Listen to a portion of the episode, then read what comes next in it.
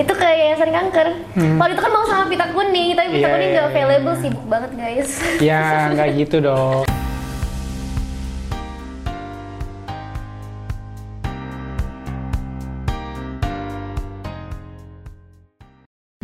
Valencia, gokil.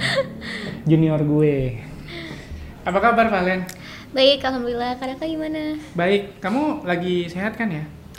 Lagi sehat Terakhir kayaknya lagi sibuk di dunia sosmed ya? tiap hari kayaknya kita ke sosmed ya Oh iya. Kalau terakhir kamu nebak-nebakin negara ngapain? nonton kan tapi Saya skip itu sungguh faedahnya. itu seru aja tebak-tebakannya soalnya Hmm, oke, tapi kamu terakhir ada endorsan dari ini salah satu kredit ya? aplikasi berwarna Apli- biru Aplikasi berwarna biru. Gokil. nggak nggak Bener. promosi kan di sini Iya soalnya betul. Iya kalau mau promosi ya donasi lah. Oke, Pak Valen nih adik kelas gue, adik kelas gue di Sebenarnya nggak adik kelas ya, karena aku lulus kamu baru masuk. jauh ya? banget kak Kamu karena kan kata berapa aku lupa Sebentar, kita mulai dari angkatan kamu ya. Kalau saya tuan rumah di sini. aku 2016 Hah? Lulusnya? enggak lulusnya 2019 Masuknya 2016? Masuk Nah, 2016. sama dong sama Vicky. oh iya Vicky 2016 ya, Vic? Vic? Ya sama satu angkatan. Aku kira kamu 2013. jauh ya iya, karena aku ingetnya adalah kamu ini seangkatan sama adikku. Adikku kan juga HI kan.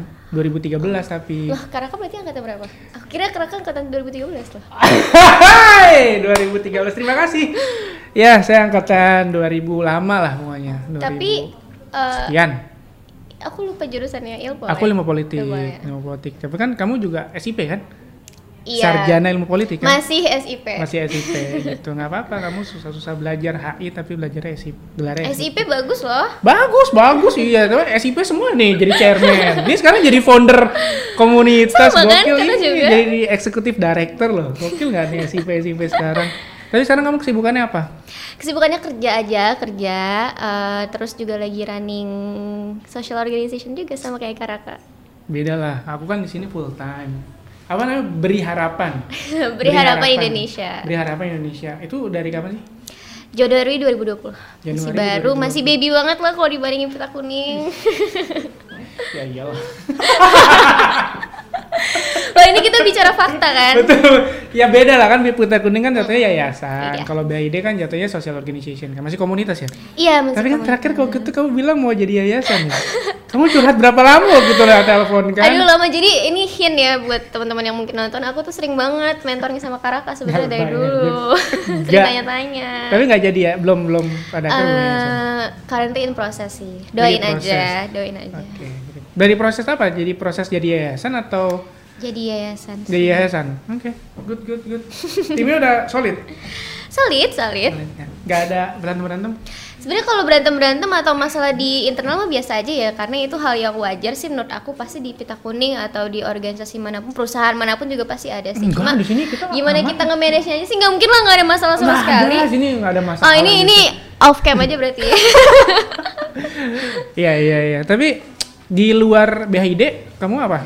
Aku kerja eh, di salah satu perusahaan swasta di Jadi, Sudirman. Kamu kerja terus juga running BHID. Iya kayak gitu. Pertanyaan Kurang basic deh, gimana cara ngatur waktunya? Time management. Em, aku kalau ditanya kayak gini, aku selalu baik lagi ke statement bahwa ketika kita mau ngelakuin sesuatu, pasti kita make time sih. Hmm. Jadi kalau misalnya aku benar-benar niat, uh, I put effort into it, I'll make time for it. Jadi karena I put effort to what I do, um, aku make time gitu buat apa yang aku lakuin. Entah itu di sela-sela waktu aku kerja atau pas lagi istirahat atau setelah kerja, walaupun misalnya harus begadang-begadang atau apa pun. But if we love it, we'll put effort into it and we'll make time for it sih. Ya. Tapi itu kan normatif ya. Mm-mm. Untuk implement implementasinya implementasinya kayak gimana? gimana? Implementasinya aku em, ya aku kan kerjanya 9 to 5 ya di kantor. Oh, jadi masih masih saklek ya untuk Iya kerjanya 9 to 5 Em, Terus nanti pulang kerja Biasanya kalau rapat beri harapan tuh selalu malam Kan mungkin kalau di Betul, Pita saya, saya tahu betul kalau beri harapan tuh ini pengalaman malam. pribadi soalnya ya Malam mengganggu waktu pacaran. Eh, karena karena gini karena gini dari sebelum kita mengganggu waktu pacaran banget nih nah itu balik lagi guys ke prioritas sebenarnya prioritas dan ini sih tanggung jawab Iya, iya, malam. kalau sebenarnya gini kalau dari awal kebetulan teman-teman di Berharap Indonesia dari awal rekrutmen tuh udah dikabarin kita rapat tuh kalau malam Eh, kalau misalnya kalian nggak bisa memenuhi itu ya nggak apa-apa nggak usah dilanjutin proses rekrutmennya jadi emang udah dari awal udah komitmen gitu sih jadi Oke. I think orang-anak di Berharap Indonesia harusnya udah nggak ada masalah ya karena itu udah dikasih tahu dari awal Oke. Kamu kerja naik dari jam 9 sampai jam 5 gitu kan. Terus mungkin pulang istirahat sambil nunggu waktu rapat nih. Rapat biasanya mulai jam berapa? Eh, jam 8 Jam 8. Berarti mungkin ada spare waktu untuk makan malam gitu kan. atau- pulang dulu pulang perjalanan lama sih naik mobil Hmm, ya, Macet. ya warga warga urban lah ya karena iya macet. begitulah jauh Malah sering kamu juga rapat lagi masih di jalan kan? Bener kan? pengalaman pribadi ya Iya kan? Oke, anggap aja jam 8. Biasanya rapat sampai jam berapa? jam aku selalu waktuin gak lebih dari jam 10 sih sekarang ya sekarang udah jam 10. Oke, jam 10. Terus untuk ngerjainnya kapan? Ngerjain untuk si BHID ini kapan? Kalau project, kita hari H project tuh selalu weekend sih pasti, Hmm. selalu weekend karena kan semua teman-teman yang di BHID tuh masih punya pekerjaan lain ya. Hmm. Jadi ini tuh kayak side job. Mungkin kalau di Pita Kuning kan teman-teman pada full time ya Hmm. di sini ya kayaknya. Kalau ini kita side job aja masih komunitas Hmm. juga, masih santai, nggak ada yang harus dikerjain bener-bener tiap hari banget gitu ya. Jadi kita make time aja sih di waktu-waktu luang. Nggak ada jam saklek kerja kayak gitu sih. Hmm. Tapi memang kalau di Pita Kuning juga capek gitu. Makanya kita membudayakan hidup sehat. Dengan di minum jus. Di depan kita ada jus. yang di jus ini sebenarnya ada tiga komponen yang kita nggak nggak. Gue juga nggak tahu nih ini komponennya apa. Coba deh, Valen minum. Pahit gak nih? Nggak tahu. aku Tapi nggak nggak sih. pakai gula soalnya iya, terus tebak ini komponennya apa aja ya? Karena aku juga nggak tahu nih komponennya apa. Pasti buah naga sih. Ya kalau ada warnanya bukan naga kan. Coba ya.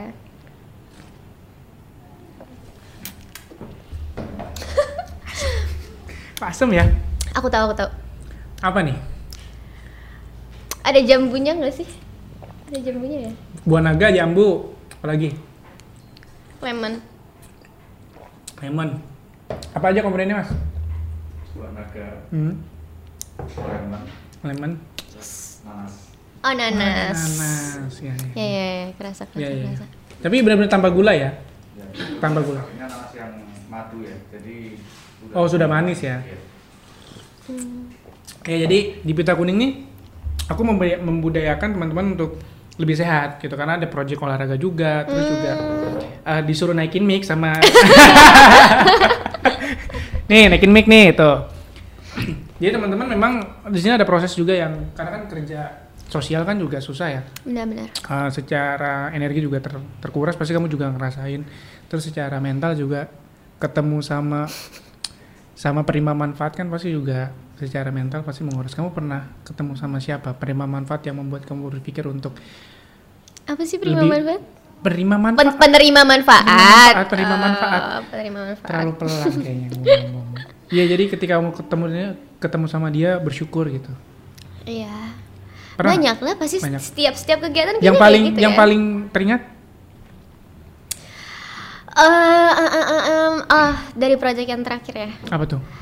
Sebenarnya gini karena kan mungkin buat teman-teman social organization yang lain ya buat Karaka juga lagi keadaan kayak gini kita susah kan ya untuk ngadain kegiatan sosial ya turun ke jalan. Karena kan kita juga pandemi ya. nggak mau pertama nggak mau bahayain si penerima manfaat dan nggak mau em, resiko juga gitu untuk tim kita. Jadi agak pilih-pilih waktu dan eh, kondisi tempatnya kayak gimana Ter- jadi berharap Indonesia karena baru berdirinya pun 2020 dan itu lagi di masa covid jadi kita eh, meminimalisir banget sih eh, kegiatan yang turun ke lapangan. Jadi cuma beberapa project doang. Nah kemarin tuh sempat turun lapangan pas project Ramadan. Itu ke yayasan kanker. Waktu itu kan mau sama pita kuning tapi pita Iya, kuning iya, nggak iya. available sibuk banget guys. Ya nggak gitu dong, kan karena kamu juga mendadak waktu itu. Iya sih karena emang mendadak karena eh, kita udah ada tempat Hmm. terus tempatnya cancel jadi ya udah harus cari backing Ya berarti buka puasa bersama ya kalau kayak gitu. Iya buka puasa bersama sama Apa salah lagi? satu yayasan kanker lah juga. Sebut aja nggak apa-apa. Ya kaki ya. Iya ya Ya, kaki. Ya kaki mana? Ya kaki Jakarta Timur Jakarta di Timur, siap. Pramuka ya waktu itu ya. Iya di situ Terus? terus? ketemu sama anak-anak kecilnya juga. Kayak nggak tega banget sih kayak em, apa ya? Ngelihatnya tuh di sana anak-anaknya kayak normal-normal aja Hmm. pada ketawa-ketawa main lari-larian ketawa kita bercanda-bercanda Hmm. eh, mewarnai dan lain bareng tapi ternyata mereka sakit gitu kayak kadang tuh ngerasanya unfair aja gitu ya for Hmm. some people karena mereka kan masih kecil kayak mereka ngelakuin apa sih di dunia ini yang sampai bisa dapet cobaan yang segitunya gitu Hmm. aku ngerasanya kayak gitu sih kayak it's just so unfair banyak banyak menurut aku ya banyak orang jahat di, di dunia ini gitu tapi mereka hidupnya fine fine aja sedangkan anak-anak kecil yang emang lahir nggak kenapa kenapa nggak ngelakuin apa apa tiba-tiba sakit. Kayak unfair aja. Terus juga em, banyak yang sampai nggak bisa bangun kayak gitu yang harus pakai selang dan lain-lain. Jadi ini sih sebenarnya sebenarnya gini aku aku pernah baca quotes juga jangan sampai kita tuh kayak em, romanticizing penderitaan orang lain jadi cara kita untuk bersyukur gitu. Sebenarnya ya tergantung perspektif ngelihatnya aja sih menurut aku. Kalau misalnya kita ngelihatnya eh, dari kacamata oh ya kita bisa bersyukur gitu. Cuma jadi jangan sampai karena orang lain kayak gitu kayak- kita sering dinginin ya makanya bersyukur kayak gitu. Aku nggak suka banget sih sama kata-kata itu karena menurut aku ya either way lo harus tetap bersyukur sih kayak Ya, gitu. betul. cuma ya pas ngelihat anak-anak kanker itu aku kayak oh ya gue masih bisa jalan-jalan gue punya masa kecil yang baik-baik aja gitu masih bisa ketawa-ketawa dan lain-lain sedangkan mereka harus benar-benar bed rest gitu. Hmm. itu sih mungkin paling ya Kamu tahu nggak fun fact soal kanker anak? apa tuh Fun fact soal kanker anak adalah kanker pada anak itu tidak ada penyebabnya. Uh, karena uh, they were born with it ya Tidak Gen- ada. genetically Bisa jadi, bisa juga enggak. Hmm, Jadi bisa memang kita bisa lihat tujuh turunan ke atas kalau memang Hmm. ada berarti memang dia punya potensi. Tapi kalau pun juga nggak ada juga dia bisa punya potensi. Jadi Hmm. eh, ada yang bilang karmanya orang tua gitu kan. ada yang juga bilang karena oh ke- orang tuanya juga gaya hidupnya Hmm, ya, ya. juga sembarangan gitu. Jadi sebenarnya bisa ditabung nih dari kita sekarang masih muda belum menikah mungkin atau Iya. mungkin ketika menikah gaya hidupnya seperti apa sehingga nanti jangan sampai anak kita yang menanggung makanya minum jus ya makanya minum jus. Nggak, tapi sederhananya memang beri harapan Indonesia itu apa sih?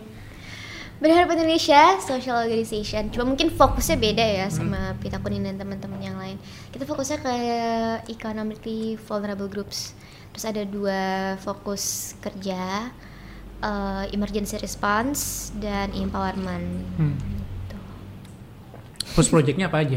Projectnya, projectnya banyak karena kan kalau emergency response itu kan eh, aksi cepat tanggap gitu lah ya bahasa Oh, Indonesia-nya ACT, ya. ACT.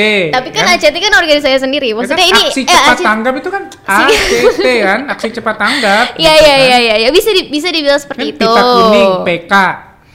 Oh iya singkatannya gitu ya. Enggak Aku baru aku baru sadar. Suruh naikin mic lagi. Nah. aku baru sadar kalau pita kuning Ini singkatannya besok-besok kita beli mic baru kayaknya ya. Turun mulu kayak kalau di gue. Oke. Iya kan, Iya, cepat tanggap kan. Berarti emergency. semua semua kebencanaan. Iya natural disaster atau keadaan-keadaan yang genting kayak gitulah kita pengen turun tangan kayak Hmm. gitu. Pengen turun tangan. Dia mention banyak organisasi sih.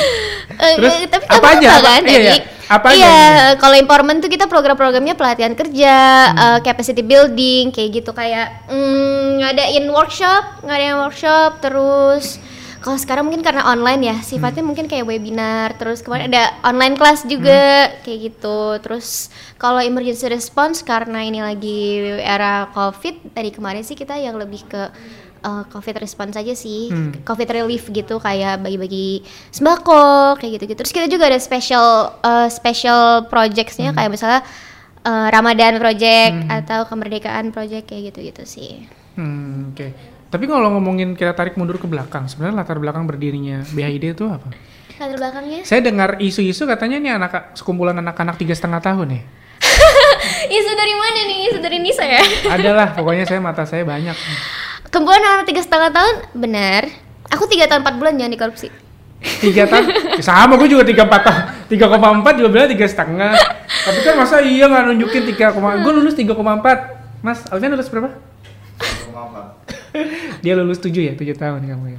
Nggak apa-apa. doesn't matter sebenarnya Enggak, enggak masalah. Yang lulus berapa lama kerja itu buat kita kuning mantap. benar ya penting Berarti berguna lulusan tiga setengah tahun nih. tapi nggak itu loh labelnya loh Iya, oke apa latar belakangnya? Siapa sih sebenarnya foundernya? Terus momentumnya apa? latar belakangnya satu kata doang Hmm. iseng kalau orang lain mungkin niat gitu ya kayak ada mungkin some people ya. Some people tuh niat kayak pengen bikin personal branding atau Hmm. emang pengen emang emang concernnya di situ. Ya aku juga sih. Emang concernnya di situ atau apa. Kalau ki- kita tuh dulu awalnya iseng. Hmm. jadi aku juga udah percaya kayaknya sama Kara Iya, kayak. iya, iya, ini iya. udah udah udah beberapa banyak teman-teman yang tahu juga. Jadi awalnya tuh dulu pembentukan pelihara Indonesia tuh iseng karena tadi berhubung karena nanya juga foundernya siapa Hmm. sebenarnya foundernya nggak cuma aku doang banyak itu teman-teman setim aku eh, dari board of Hmm. Semua teman? Ada yang nggak teman? ada kan? pacar aku di Oh, ya. sini Betul. Mention dong kayak gitu. Itu namanya ada pacar aku dan temen aku jadi loh tapi bekerja sama pacar tuh fine fine aja loh Betul, betul, Iya, bener betul, kan? betul, betul, betul, betul. Hmm. pribadi juga Betul. soalnya. Terus Iya, dengan pacar aku dan teman-teman aku. Eh, ini nggak apa-apa lah ya nyebut nama kampus Nggak ya. apa-apa, Kita dulu sebut. kuliah di Malang di Brawijaya, bangganya saya. Junior Karaka. Terus habis itu aku iseng awalnya karena sebenarnya gini, aku dulu dari dulu tuh udah pingin bikin social organization Hmm. atau social movement lah ya. Hmm. tapi nggak ada kesempatannya belum ada kesempatan dan belum make time aja mungkin Hmm. mungkin ada waktunya ada kesempatannya tapi belum make time Hmm. ada waktu yang benar tepatnya gitu kali nah terus lulus tiga setengah tahun lulus 3,4. tiga tahun empat bulan Ya. lulus tiga tahun empat bulan kayak sombong banget gitu ya gue ya lulus tiga tahun empat bulan disebut lagi lulus abis itu eh, banyak kertas-kertas gak kepake kertas skripsian kertas Oh. tugas Iya betul tuh dulu ya skripsi Iya kan? revisian kayak gitu ya. Terus biasanya kalau nggak dibuang, diloakin. Iya, betul, kan? betul, Cuma kalau diloakin tuh dulu kalau di Malang harganya nggak kayak di Jakarta Iya, ya. murah banget Murah banget. tuh. Cuma sekilo tuh 2000. Betul. Kalau di Jakarta mungkin 5000, 7000, Iya. 10000 masih dapat ya. Di Malang tuh 2000. Terus aku mikir, ah ini diloakin juga 2000. Buat apa lah ya buat iya. bayar parkir ini ya Indomaret. iya gitu kan. Terus aku berpikir em, waktu itu emang aku sempat sharing-sharing sama temen aku eh ini mau lokin bareng gak gini gini gini ternyata teman-teman yang lain pun juga banyak Hmm. gitu nah kebetulan waktu itu di jurusan aku di HI Brawijaya itu ada program akselerasi. Jadi Hmm. s- teman-teman yang lulusnya barengan sama aku yang tiga setengah tahun itu emang lumayan banyak gitu. Hmm. yang udah lulus pasti nggak butuh dong kertas-kertas Hmm. itu ya kan? Kayak ya udahlah diloakin aja. Terus aku kayak ngajakin teman-teman yang barang-barang kebetulan lulus bareng-bareng itu yuk loakin aja yuk kertasnya. Karena aku mikir kalau misalnya diloakin sendiri eh, uangnya dikit. Hmm. nah terus aku mikir ah buat apa juga uangnya? Maksudnya ya kita masih dapat uang dari orang tua ya pas Hmm, itu masih kuliah kan. Sih udah didonasiin aja lah uangnya. Tadinya mau lewat ini aja sih kayak transfer donasi gitu Hmm. tuh masukin ke kotak amal. Cuma kayak pingin pulang kan ke Jakarta. Terus kayak pingin ah pengen ngelakuin sesuatu deh untuk kota Malang tercinta. Ya masih idealis lah ya. idealis. Sebenarnya sebenarnya idealis kayak kita hidup tuh karena ada impian-impian orang yang idealis dan utopis itu loh sebenarnya. Maksudnya kayak a lot of uh, dreams. Mungkin kalau misalnya dulu em, penemu-penemu hebat gak punya mimpi nemuin apa gitu kita sekarang nggak nggak kayak gini gitu kan. Mungkin Kalau dulu Tan Malaka tidak berpikir soal Indonesia, kita tidak berkumpul sebagai negara sekarang. that's what I mean. Gokil. jadi ya kayak gitu. Jadi sebenarnya nggak apa-apa. Idealis tuh menurut aku nggak buruk sih.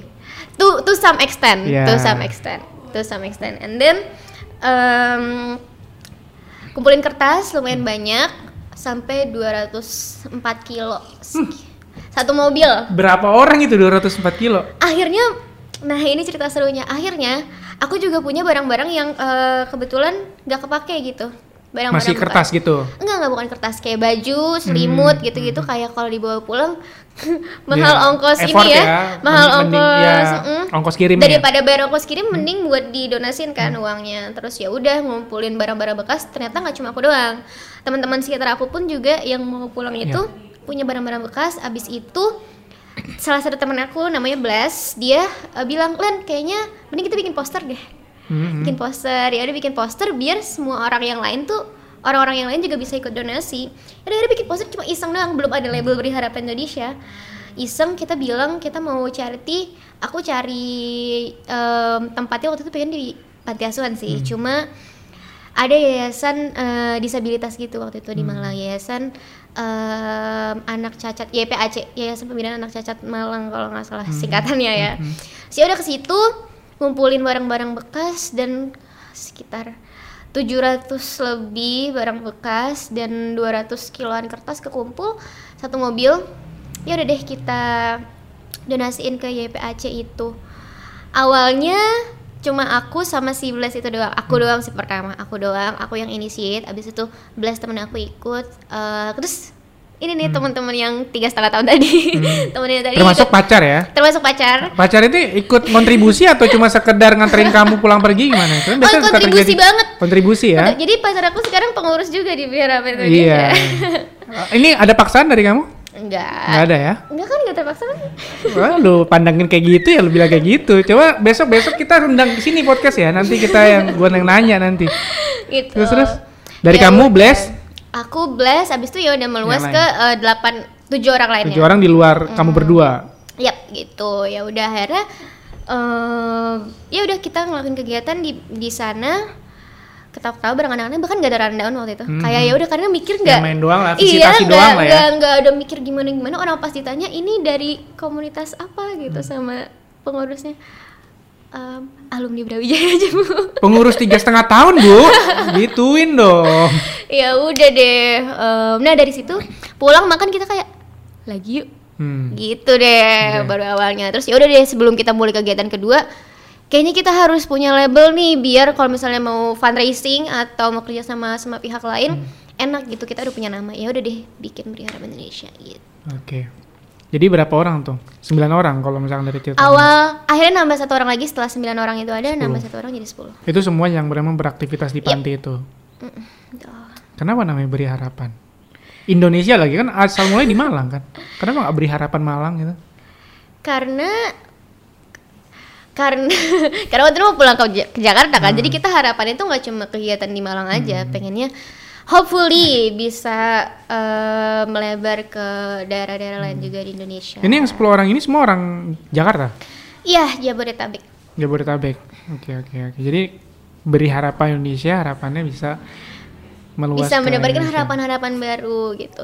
Awalnya tuh tadinya kita mikirnya kayak gini, eh, pengen kasih harapan-harapan ke orang-orang yang tuh yang udah benar-benar hopeless atau benar-benar nggak em, terlihat gitu loh sama. Kadang gini, kita tuh tahu banyak banget orang susah di dunia ini. Tapi tuh segmented gitu loh. Kita taunya orang susah tuh ya orang homeless. Hmm. Kita taunya orang susah tuh orang yang susah di jalan aja yang kelihatan pengemis kayak gitu. Padahal enggak, orang yang susah tuh nggak cuma nggak cuma pengemis doang. Orang susah tuh banyak. Bahkan mungkin teman kita sendiri pun lagi dalam keadaan susah tapi kita nggak tahu aja. Jadi kita sebenarnya sih pengen pengen itu sih. Terus akhirnya memfokuskan lagi lebih ke economically vulnerable groups gitu. Oke. Terus kenapa dari 10 orang itu kamu yang jadi eksekutif directornya? Ah, ini kayak pertanyaan yang harus ditanyakan ke teman-teman juga ya. Sebenarnya gini, karena awalnya aku yang initiate, terus emang aku yang gerakin juga, and then pas kita discuss bareng mau bikin structure lah ya istilahnya, mau bikin structure siapa nih yang jadi uh, ketua pasti kita harus punya ketua nggak bisa semuanya sejajar Siapa nih Ya yang mau jadi udah deh. Enggak loh aku melihat itu bukan tumbal loh aku melihat itu sebagai suatu tanggung jawab suatu kehormatan Kamu, nggak teman-teman yang lain. enggak lo semua pada seneng maksudnya pada Iya seneng lah, akhirnya gue ya. akhirnya gue ngajin tumbal. maksudnya pada akhirnya jadi semua memilih kamu. ya gitulah kurang lebih tapi ya nggak pemilu pemilu amat lah nggak pakai kampanye kampanyean kan? nggak lah itu mah karata aja lah Enggak lah, saya nggak ikut ikutan begitu. Terus teman-teman yang lain apa tanggung jawabnya? ada banyak ya kalau di Beri Harapan Indonesia itu jadi ini perjalanan itu panjang mungkin kalau di Sorry, Ja- Januari 2020. itu project pertama Hmm. yang di Berarti kalau misalkan dibilang berdirinya kapan tuh kapan? Eh, Februari Februari. bulan Berarti maksud, berarti bukan project yang First pertama project. itu bukan bagian dari berahi harapan. Kita kita tetapnya ngitung itu sih Ngitung, karena orang-orangnya pun Officialnya Iya. di Februari ya, ke Februari 2020 ya. Berarti sudah setahun lebih. ya setahun lebih. Jadi ada apa jadi dalam beri harapan nih strukturnya? atau- Strukturnya. Hah? yang pertama ada kita bagi per departemen Hmm. Abis itu nanti dikerucutin lagi ke functionaries. Departemen ada research management, ada general affairs, sama business and communication. Em, di resource management itu ada program management yang ngurusin project, terus ada field operation, direkturnya pacar aku. field operation yang ngurusin di Dari lapangan. kegiatan sosial aja udah udah kolusi nepotisme. kan? Ini bukan kolusi loh, ini namanya menggandeng orang-orang yang potensial yang ada di lingkaran kita. Pacar pacar kamu suami-suami takut istri nggak? Enggak, enggak lah. Enggak. Enggak lah, enggak lah, Enggak. diem aja. Iya. Enggak, enggak, enggak, enggak, enggak. Oke, apa lagi? Cuma emang aku dominan sih. Kalau Ya, nggak dia yang sulit iya. emang manusia apa wanita-wanita alpha 2021 tuh banyak loh. sekarang Iya. We have to be proud as an alpha female. Iya betul betul betul. Apa divisi apa head divisi servisku juga wanita alpha. Iya kan. Iya emang Banyak agak serem sih emang.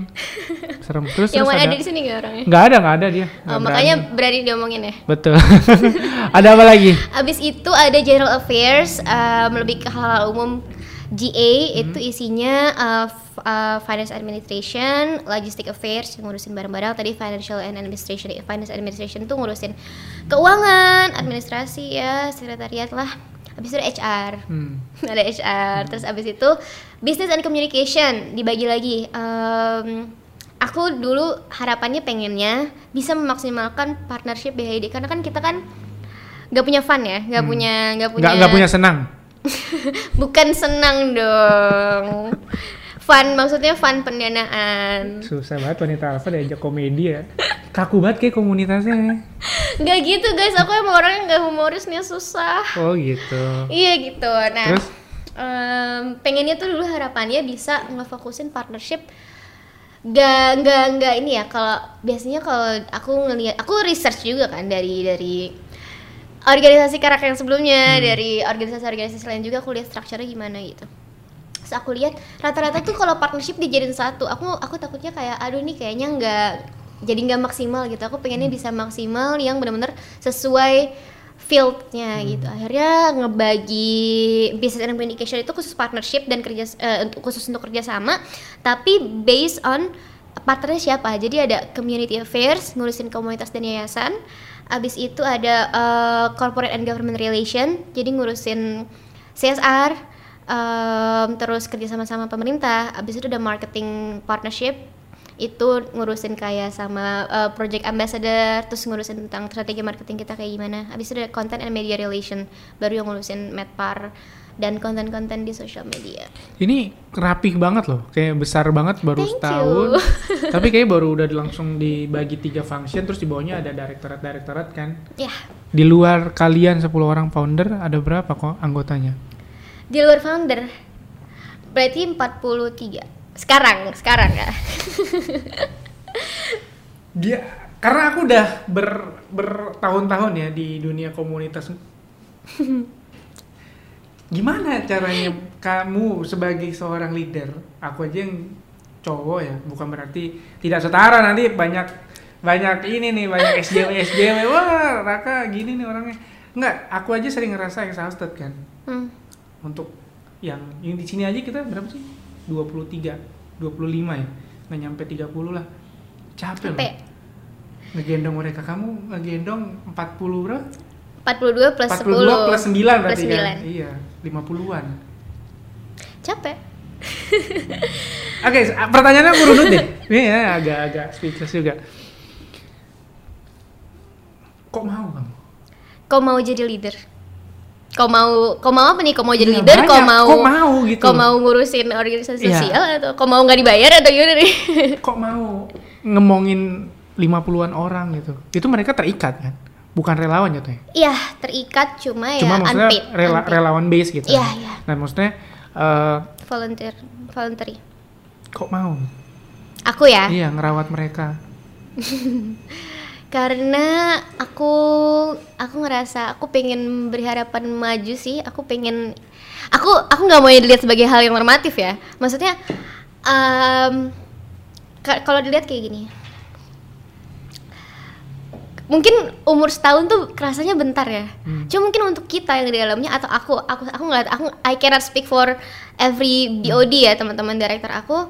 But for me personally, I think one year is one hell of a ride gitu kayak em, terlihat sebentar tapi lama dan perjuangan yang ada tuh nggak enteng gitu. Jadi aku kayak you didn't go this far untuk sampai situ aja gitu. Jadi tiap aku mau nyerah aku kayak ya udah go on lagi kembali ke niat awal kayak selalu kayak gini aduh adalah BHD udahan aja kali ya setahun aja ya kayak gitu capek gitu ya tapi kayak langsung diinget-inget lagi aku lihat dokumentasi-dokumentasi yang kemarin kadang suka dapet uh, DM juga dari orang-orang di em, sosial media gitu.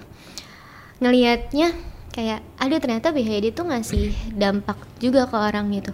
Coba bayangin satu orang ngulurin dua tangannya terus jadi domino efek ke yang lainnya. Jadi terba makin makin or- banyak orang yang turun tangan makin banyak orang yang turun tangan makin banyak yang terbantu kayak gitu. Kalau misalnya berkurang aja behavior satu jadi kayak apa ya em, sekecil apa pun dampak yang bisa atau domino efek yang bisa aku kasih itu sih pengen pengen itu aja sih. Dan fulfilling aja sih lebih ke self fulfillment ketika aku bosen Hmm. atau jenuh banget kerja di kantor.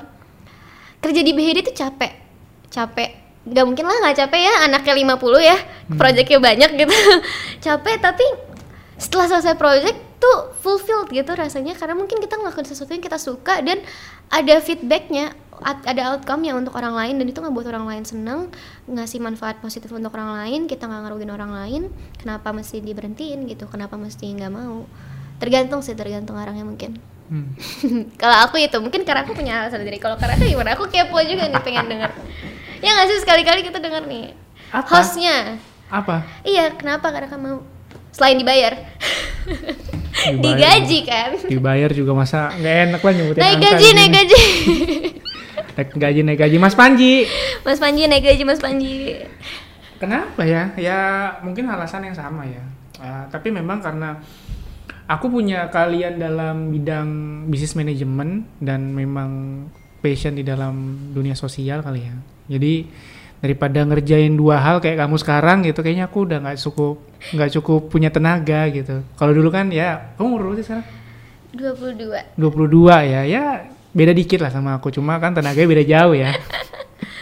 Ya udah nggak sanggup. Kalau dulu masih suka malam masih bisa begadang. Lu sekarang mah begadang sedikit aja udah masuk angin.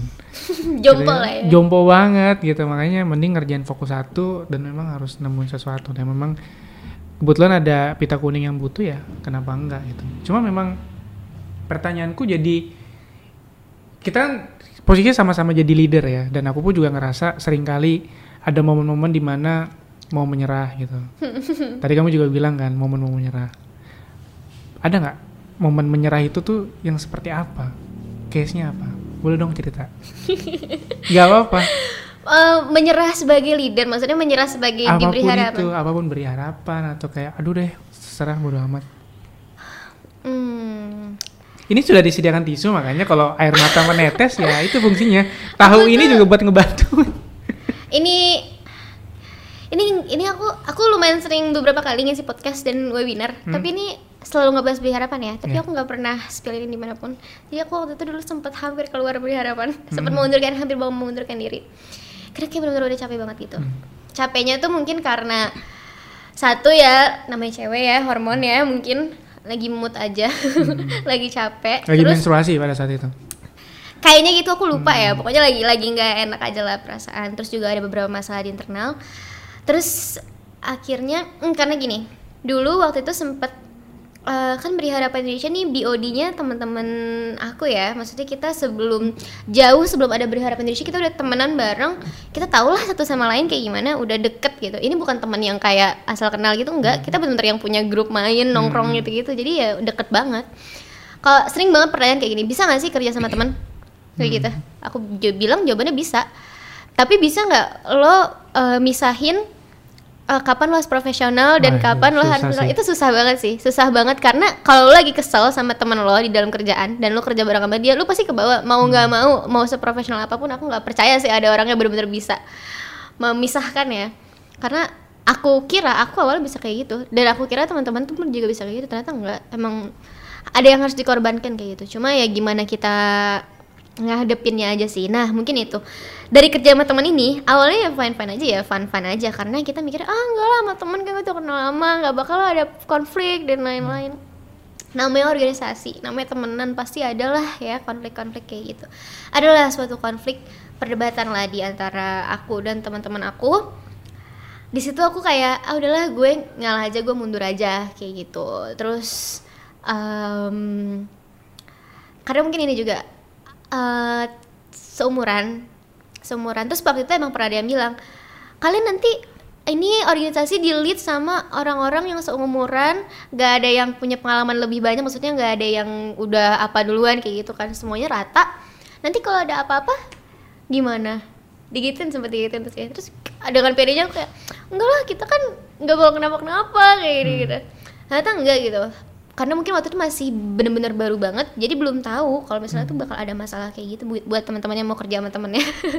Pasti yang ada masalah namanya kita bisnis sama teman kerja sama teman. Ada aku aku mundur aku sempat udah mau mundur. Untungnya semua bisa sama-sama bersikap dewasa kita eh, merapat ngomongin satu sama lain menyelesaikan masalahnya ya udah nggak jadi mundur. Apa yang membuat nggak jadi mundur? Karena kembali lagi ingat niat ngebangun beri harapan Indonesia itu apa gitu makanya orang yang kalau niatnya itu setengah-setengah atau bener nggak tulus dari hati pasti gampang banget menyerah sih menurut aku bakal gampang banget mundur tapi kalau misalnya you build something based on a very good intention a very rigid intention uh, I think you won't back down easily sih menurut aku pengalaman aku ya Oke. Case-nya apa waktu itu? case-nya permasalahannya ya Permasalahan. kecot internal aja adalah Kecot internal. Buat orang-orang yang nggak tahu kecot itu masalah ya. iya ya Permasalahan. perdebatan ya. internal Perdebatan internal. Itu sama teman. Kalau sama pacar?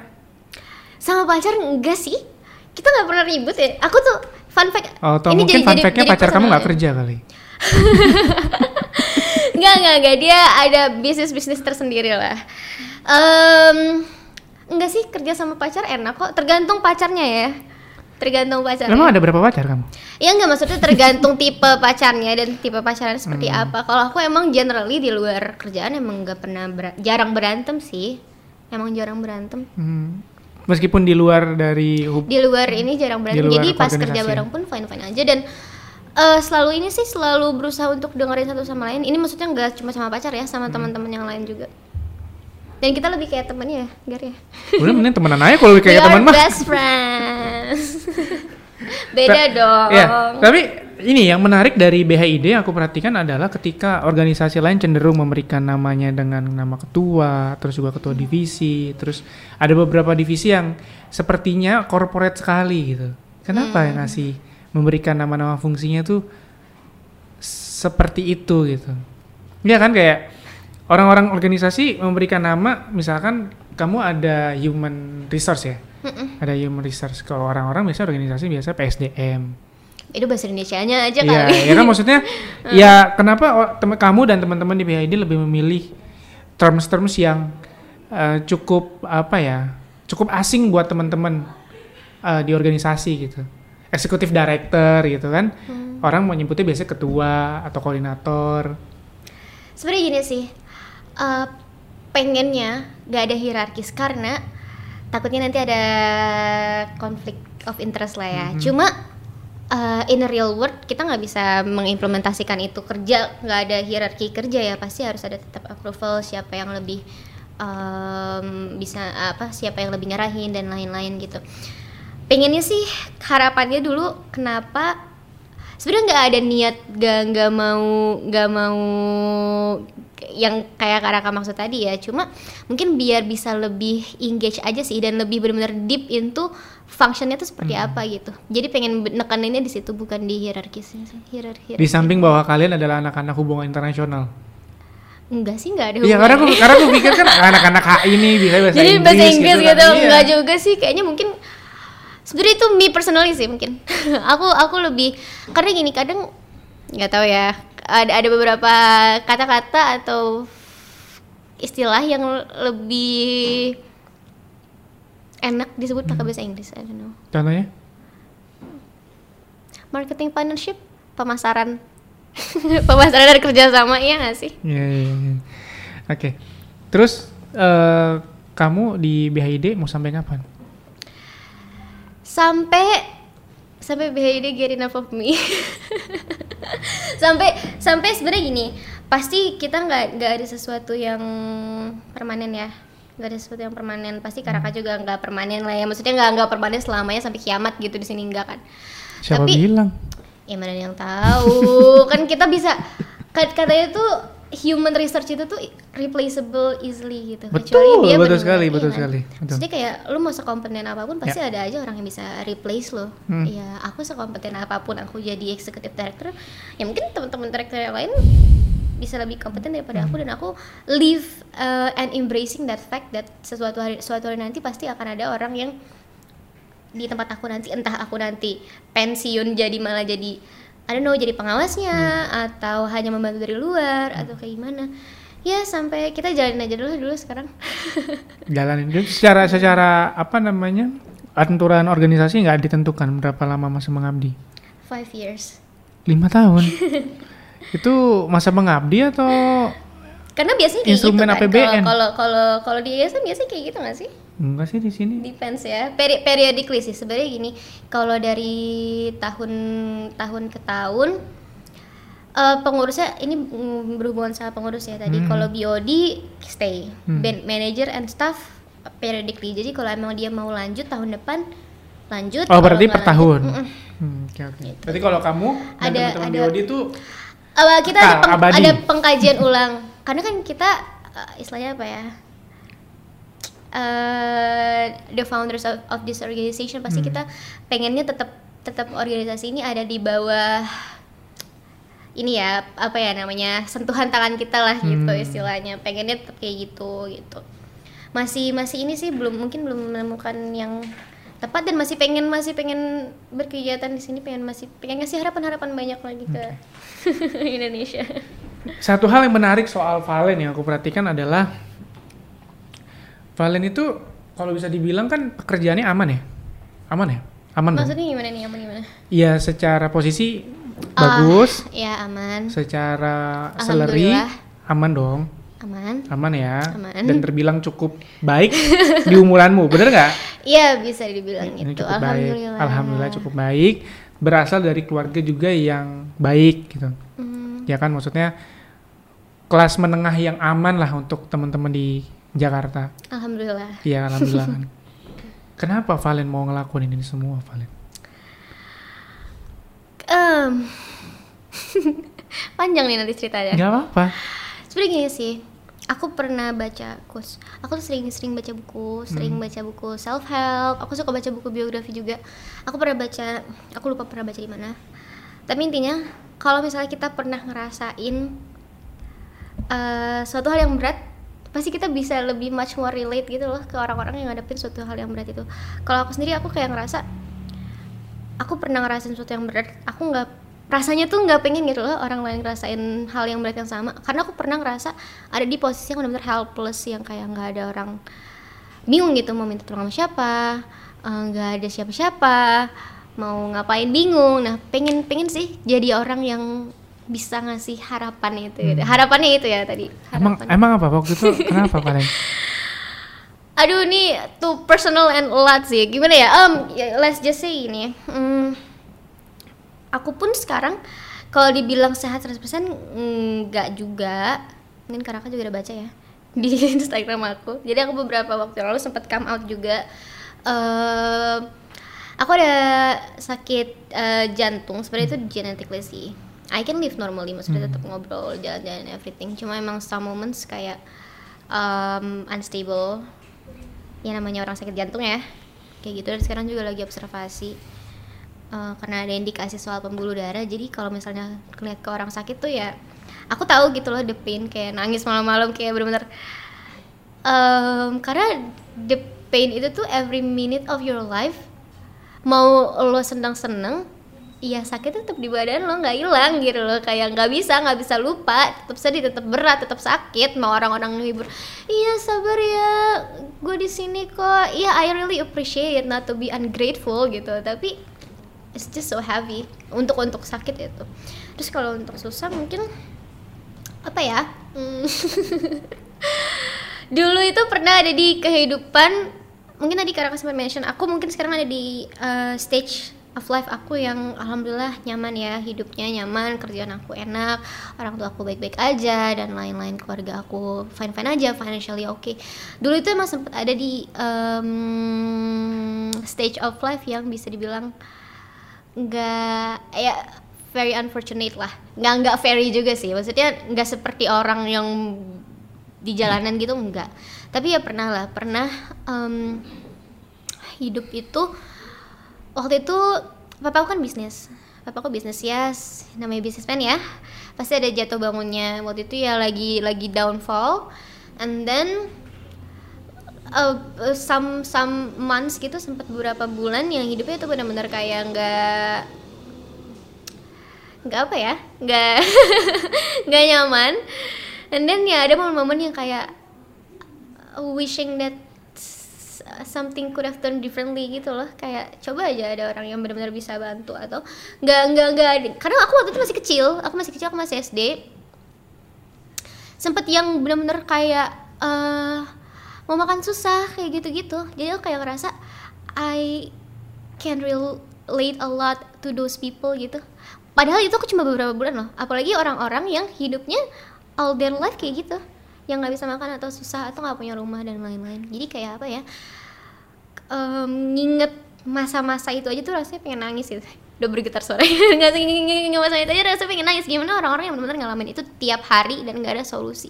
Jadi ketika ngebangun berharap Indonesia bisa kasih harapan ke orang even it's just istilahnya secercah gitu ya. Karena dulu gini aku ngerasa pas aku susah.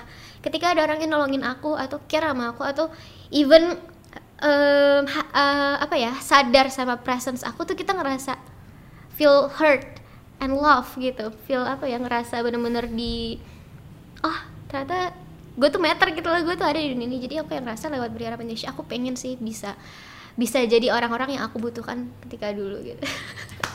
Untuk aku untuk orang-orang yang seperti aku dulu itu mungkin lebih parah. Ya. sekarang. Karena kan 2021 sekarang itu banyak banget orang-orang yang buat komunitas, buat organisasi sosial gitu kan, tapi hanya untuk sekali dua kali.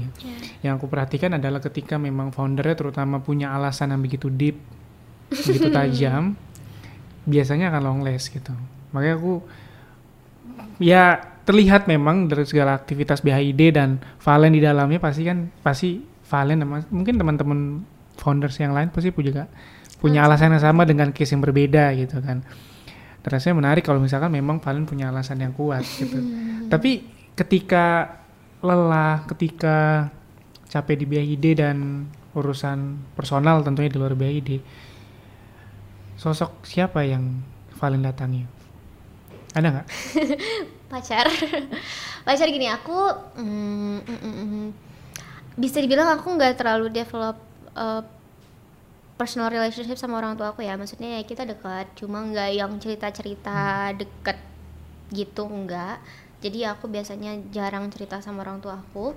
Biasanya lebih ya relying on myself sih sama mungkin ke orang terdekat ya. Entah pacar atau sahabat kayak gitu. Cuma itu pun aku sih termasuk aku mungkin orangnya kelihatan terbuka ya. Orang-orang suka mistikin aku ekstrovert gitu sih. I don't know. Tapi aku aku merasa aku tuh orangnya introvert sebenarnya.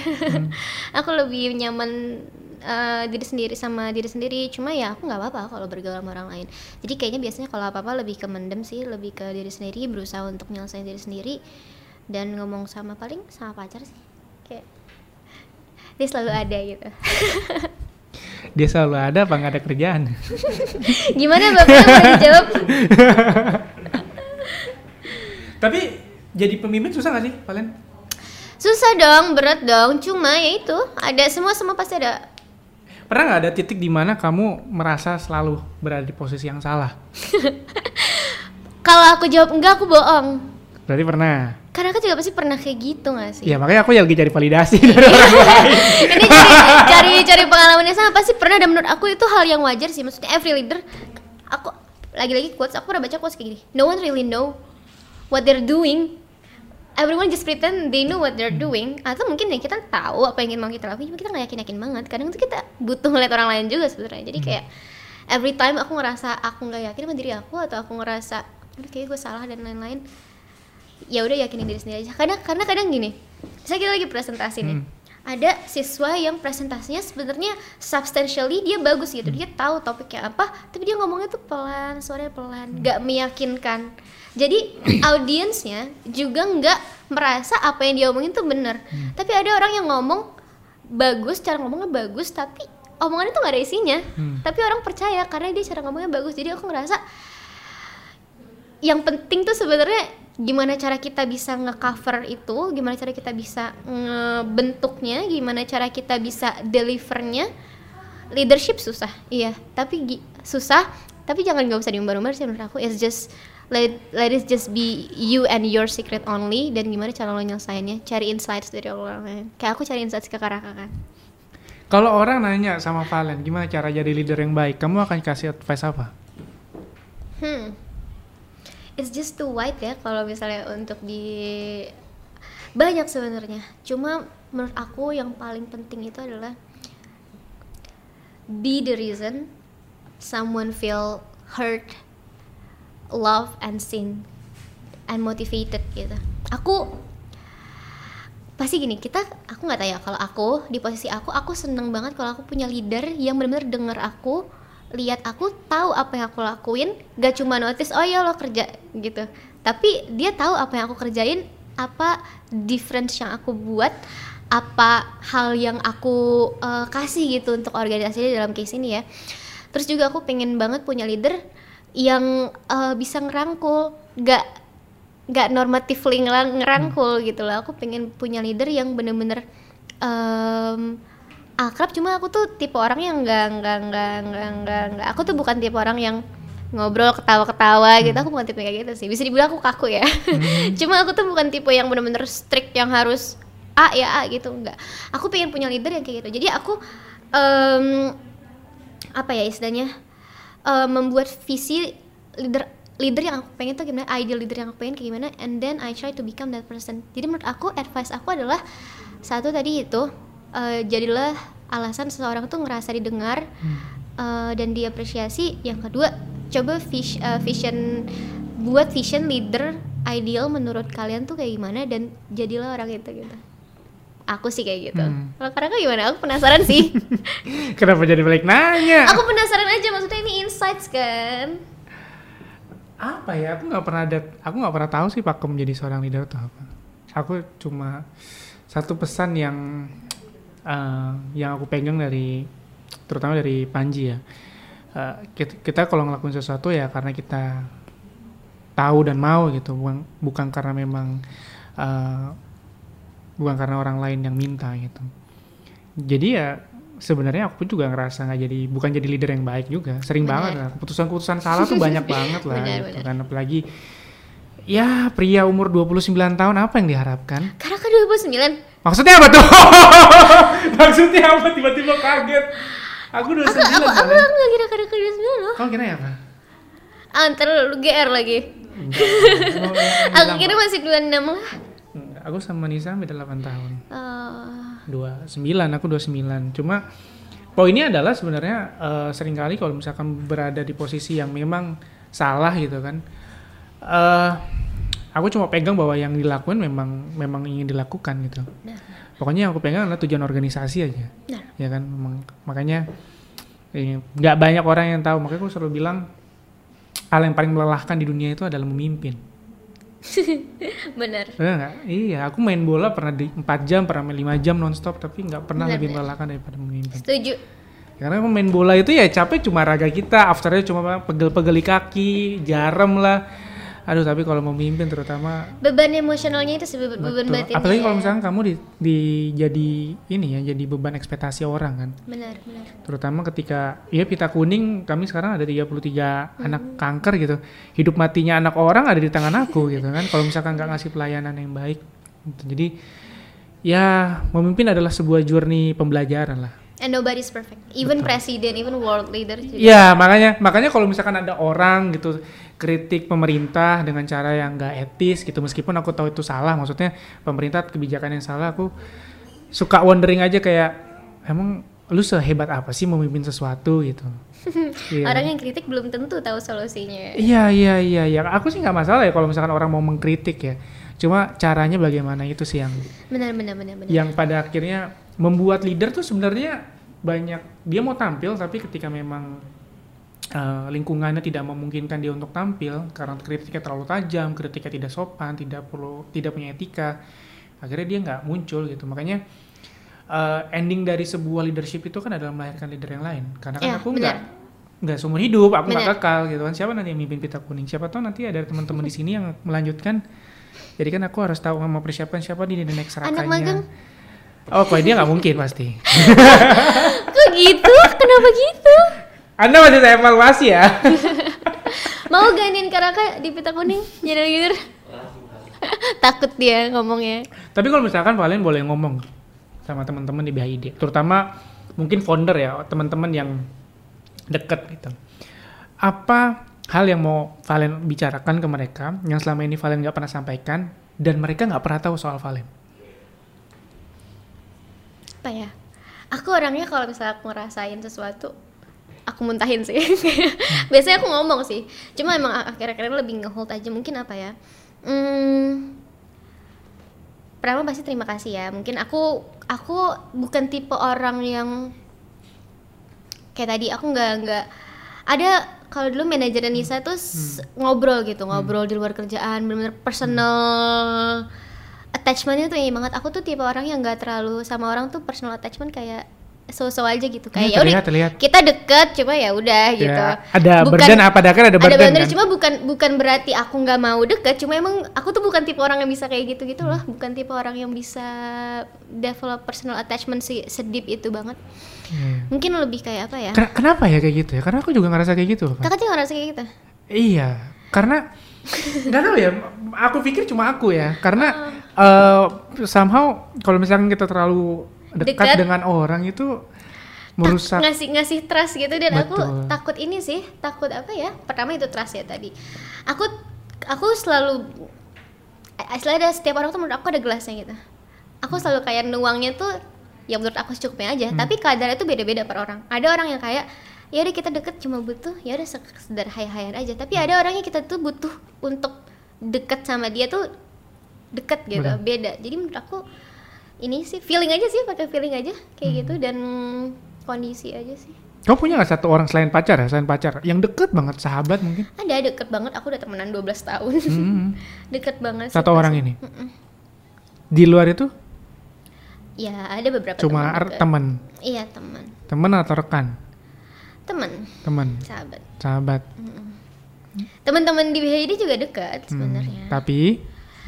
Cuma bedanya gini karena eh, cara temenan eh, apa ya cara temenan itu kan pasti kakak juga tahu lah. Iya. cara temenan kita sama lingkungan satu sama lingkungan lain tuh beda ya. Hmm. ada teman-teman yang kayak nggak ngobrol tiap hari pun kita tetap deket. Ada teman-teman yang kita orang itu nganggep kalau kita nggak ngobrol kita tiap hari kita nggak deket. Ada orang yang kayak gitu kan. Ada yang tipe temenannya itu harus sering jalan kayak gitu. Nah kalau sama BHD ini temennya kita nggak usah ngobrol tiap hari kita deket kayak gitu sama Hmm. teman-teman yang segeng aku di jadi BHD sekarang gitu. Hmm, jadi BOD-nya kayak gitu sih apa hal yang paling berat dalam memimpin BHID? people management Orang. jelas banget lah pasti nggak sih I think itu semua jawaban orang ya semua jawaban semua jawaban aku yakin world leaders juga pasti jawab kayak gitu sih karena paling susah tuh memimpin pemimpin rakyat dan orang-orang yang kerja untuk lo gitu. Kayak kerja bareng lo kayak pasti presiden ngomong paling susah ngatur apa? Ngatur DPR iya nggak sih? Iya nggak sih? Pasti pasti semua pada ngomong kayak gitu. Nggak ada yang bilang paling susah persoalan ekonomi. Dan lain-lain. Karena itu tuh it's just one aspect di antara yang lain. Tapi siapa yang jalani itu yang gerakin itu? Kalau aku bilang paling susah bikin program. Ya bikin program susah. Bukan nggak susah. Tapi orang-orang nggak bikin programnya itu gimana? Cara cara manage-nya kayak gitu. Karena ketika ada krisis krisis orang misalnya ada krisis ada masalah apa gitu di human resource-nya that's the core of everything gitu loh. Kalau nggak ada orang-orangnya siapa yang mau Apa masalah yang pernah yang paling besar deh yang remarkable apa ya? Di yang di bidang orang. Karena memang itu masalah di sem- banyak Hmm. organisasi dan komunitas ya. Ya karena kalau aku ngisi webinar di mana-mana pasti pertanyaan yang sering muncul kan gimana cara ngatur orang ngatur orang iya kan? Gimana caranya? Manage, manage um, seleksi alam gitu kan? Nah iya kayak gitu. Itu sih paling seleksi alam sih. Hmm, tapi ngomong-ngomong kalau untuk boardnya sendiri utuh dari Februari. Itu ini hal achievement dong harusnya pencapaian besar juga lah karena itu dengan susah payah loh kak. Nggak nggak ya nggak aku semua percaya, orang. aku percaya pasti akan ada trouble di sana. Cuma itu adalah sebuah pencapaian satu tahun lebih kan? Hampir dua tahun. Alhamdulillah lagi-lagi. untuk ngatur at least 9 orang di bawah kamu including ada pacar kamu di dalamnya. Ya itu juga. Tanpa harus ada intrik-intrik personal tuh hal yang cukup menjadi pencapaian besar menurutku. itu sering ditanyain juga sih sama orang-orang. Lo kok bisa sih kerja sama temen istilahnya Hmm. temen? Masalah pasti ada ya. Gimana Kayak kalau misalkan temanmu ada apa KPI yang nggak achieve, kamu ngomong Oh, nggak? ya itu tergantung ya Negornya gimana? ya aku aku biasanya lebih bukan negur sih aku kayak let's find the solution together Hmm. aku aku selalu kayak gini misalnya contoh kecil ya Hmm. Em, ada deadline sesuatu Hmm. yang ini kan semua side job ya nggak ada yang full time dan aku nggak bayar mereka gitu loh Hmm. nggak bisa demand sesuatu beda ya mungkin kalau Karaka kan di sana anak-anaknya dibayar gitu Karaka ada Oh iya, ini hierarchical dibayar ya. Dibayar ya? dibayar kan Dibayar. maksudnya ada kalian tuh nggak kerja nggak kerja unpaid nggak kerja voluntary Betul. gitu jadi nggak ada ekspektasi bisa ngedemand sesuatu yang Betul. benar-benar mengikat gitu aku Hmm. aku selalu eh tadi be the leader yang lo butuh kalau aku punya deadline aku selalu memposisikan diri aku. Kalau gue punya deadline gue pengennya punya leader yang kayak gimana sih? Marah-marah kah? Hmm. nge-push kah? Apakah itu ngebantu? Enggak gitu. Gue pengen punya leader yang Len lo butuh apa nih biar cepet selesai? Ayo gue bantuin ayo kita kerjain bareng-bareng. Kalau aku punya waktu aku pasti ngerjain bareng-bareng sih sama teman-teman aku. Bukan berarti aku nggak menghormati boundaries functional ya kerja aku ikut turun tangan itu atau terlalu micromanaging enggak. Aku harapnya sih nggak dilihat dari sisi itunya. Uh, I will overhelp Hmm. aku biasanya kadang kayak gini ayo kalau kalau ada deadline ayo gue bantuin kerjain kita Google Docs bareng Hmm. kadang bikin MOU gitu-gitu aku pun masih kalau lagi mereka butuh bantuan aku tetap turun tangan kayak gitu karena menurut aku spek-speknya leader itu yang aku bayangkan ya yang adalah yang tadi bisa ngebuat orang tuh feel hurt dan ngerasa terbantu dengan adanya dia. Karena menurut aku tuh leader itu bukan pajangan yang lo mewakili organisasi ini untuk webinar di sana di sana kemari. Karena don't know mungkin some people some organization banyak yang kayak gitu ya. Kayak leader itu pajangan gitu. I, I don't- I don't wanna be one of those leader yang jadi pajangan. Itu capek loh kalian. I know. Untuk Exhausting berusaha untuk available kepada 9 orang di luar kamu juga harus mengatur organisasi di capek luar gar di luar. Itu capek loh? Serius.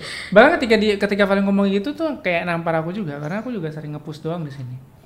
Serius aku nggak overhelp ya iya karena kendala aku dulu micromanaging. Sama. Dan itu melelahkan sekali. Karena karena ke control freak ya kayak aku ya. Kayak maunya tuh ngekontrol gitu loh kayak fake perfectionist juga kayaknya pengen banget. Sama. Orang-orang sini bilang aku perfeksionis tapi kayaknya most leader tuh perfectionist deh kak ya nggak sih? Dan itu bukan hal yang baik sih sebenarnya. I know. Itu bukan hal yang baik dan I'm not proud of it. Ada satu leader di sini yang negor aku. Eh, dia minta aku percaya penuh sama dia. Aku juga pernah digituin. gitu. Udah deh, mending lu percaya sama gue deh. Karena kan dia dia merasa bahwa aku terlalu, terlalu micromanage iya ke timnya. Jadi oke lah berusaha untuk tapi akhirnya jadi kendala ketika memang ada masalah terus dia juga nggak datang ke aku aku juga nggak datang ke dia akhirnya ada Hmm. ada gap di situ makanya di situ ketika dirimu bilang kamu berusaha untuk hadir kepada orang-orang tersebut tuh capek banget. Aku membayangkan aja udah melelahkan sekali Valen di luar kamu punya pekerjaan loh. Iya itu dia sih. kamu di pekerjaan kamu posisi apa sih? Uh, marketing executive itu individual job atau tim? Eh, tim tapi small team. Small team. Ya tentu kamu punya tanggung jawab di sana punya KPI yang harus di achieve capek banget itu iya capek banget sih. Cuma ya gimana cara recharge diri kamu tuh? Menyendiri karena udah s- di kerja ketemu banyak orang aku kerjanya kan mostly sama eksternal ini ya eksternal parties ya. Terus di BHD ketemu banyak orang capek kayaknya ya ketemu Iya. banyak orang aku lebih recharge sih sama diri sendiri sih biasanya. Kayak "Ya udah sendiri aja. Me time. Me time. Hmm, sulit memang ini menjadi sebuah pembahasan yang menarik ketika memang uh, kita bisa melihat dari sudut pandang leader ya bahwa BHID sekarang jalan hampir 2 tahun berarti ya? Alhamdulillah Februari mau- 2022 kan dua tahun ya? iya, Berarti jatuhnya ya? Iya, satu setengah tahun lah. Satu setengah tahun dengan sekarang ada berapa project berarti yang terdokumentasi? 14 14 project. Eh, sebagai portofolio berarti ya? Iya. sudah sudah selesai ya? Udah yang upcoming? Tiga. Tiga nih. Kapan rencananya Hmm, jadi sekarang lagi ongoing sebenarnya ini project spesial kemerdekaan sih kemarin. Hmm. Jadi kita uh, bantuin para veteran dan janda veteran yang uh, ekonominya rentan Hmm, kayak hmm. gitu. Emang sesuai Fakultas Harapan Indonesia kan. Ya udah kita cuma fundraising aja sih itu. Nanti disalurin dananya untuk kayak pengobatan, medical check up, untuk bedah rumah, renovasi rumah kayak gitu-gitu. Untuk beli bahan makanan. Terus habis itu yang kedua nanti ada masih upcoming sih nih. Ada namanya satu bulan satu kebaikan. Hmm. Jadi kayak mau dilanjutin tiap bulan tuh minimal ada satu kebaikan yang kita buat gitu. Entah misalnya misalnya ngasih eh, gerobak baru untuk pedagang siomay yang gerobaknya udah jelek misalnya Hmm, gitu. Oh, dia mau jadi kayak partai. Bagi-bagi gerobak. gitu dong konsepnya. 2024 kayak mau ngeri, nyalek nih ngeri, kayak ngeri, ngeri, nih. ngeri. Karena kan kali ini bentar lagi nih. Eh biasanya suka ditawar-tawarin tuh. Ah, udah basi itu tawar-tawaran dari dari Dari dulu ya udah sering. banteng ya. muda tuh udah banteng Aduh, muda. aduh, aduh. Aduh, podcast ini apa sih nanti kena take out sama pemerintah lagi. Terus yang Terus lagi nanti yang ketiga itu em, pemberdayaan UMKM. pemberdayaan UMKM. Iya di akhir tahun. Di akhir tahun. 14 yang sudah selesai, tiga yang sedang yang sedang dan akan jalan. 17 berarti. Sampai 2021 selama Akhir tahun. 2021 ya, selama 2 tahun. Satu tahun setengah itu. Iya. Dengan seorang Valen yang punya pekerjaan di luar.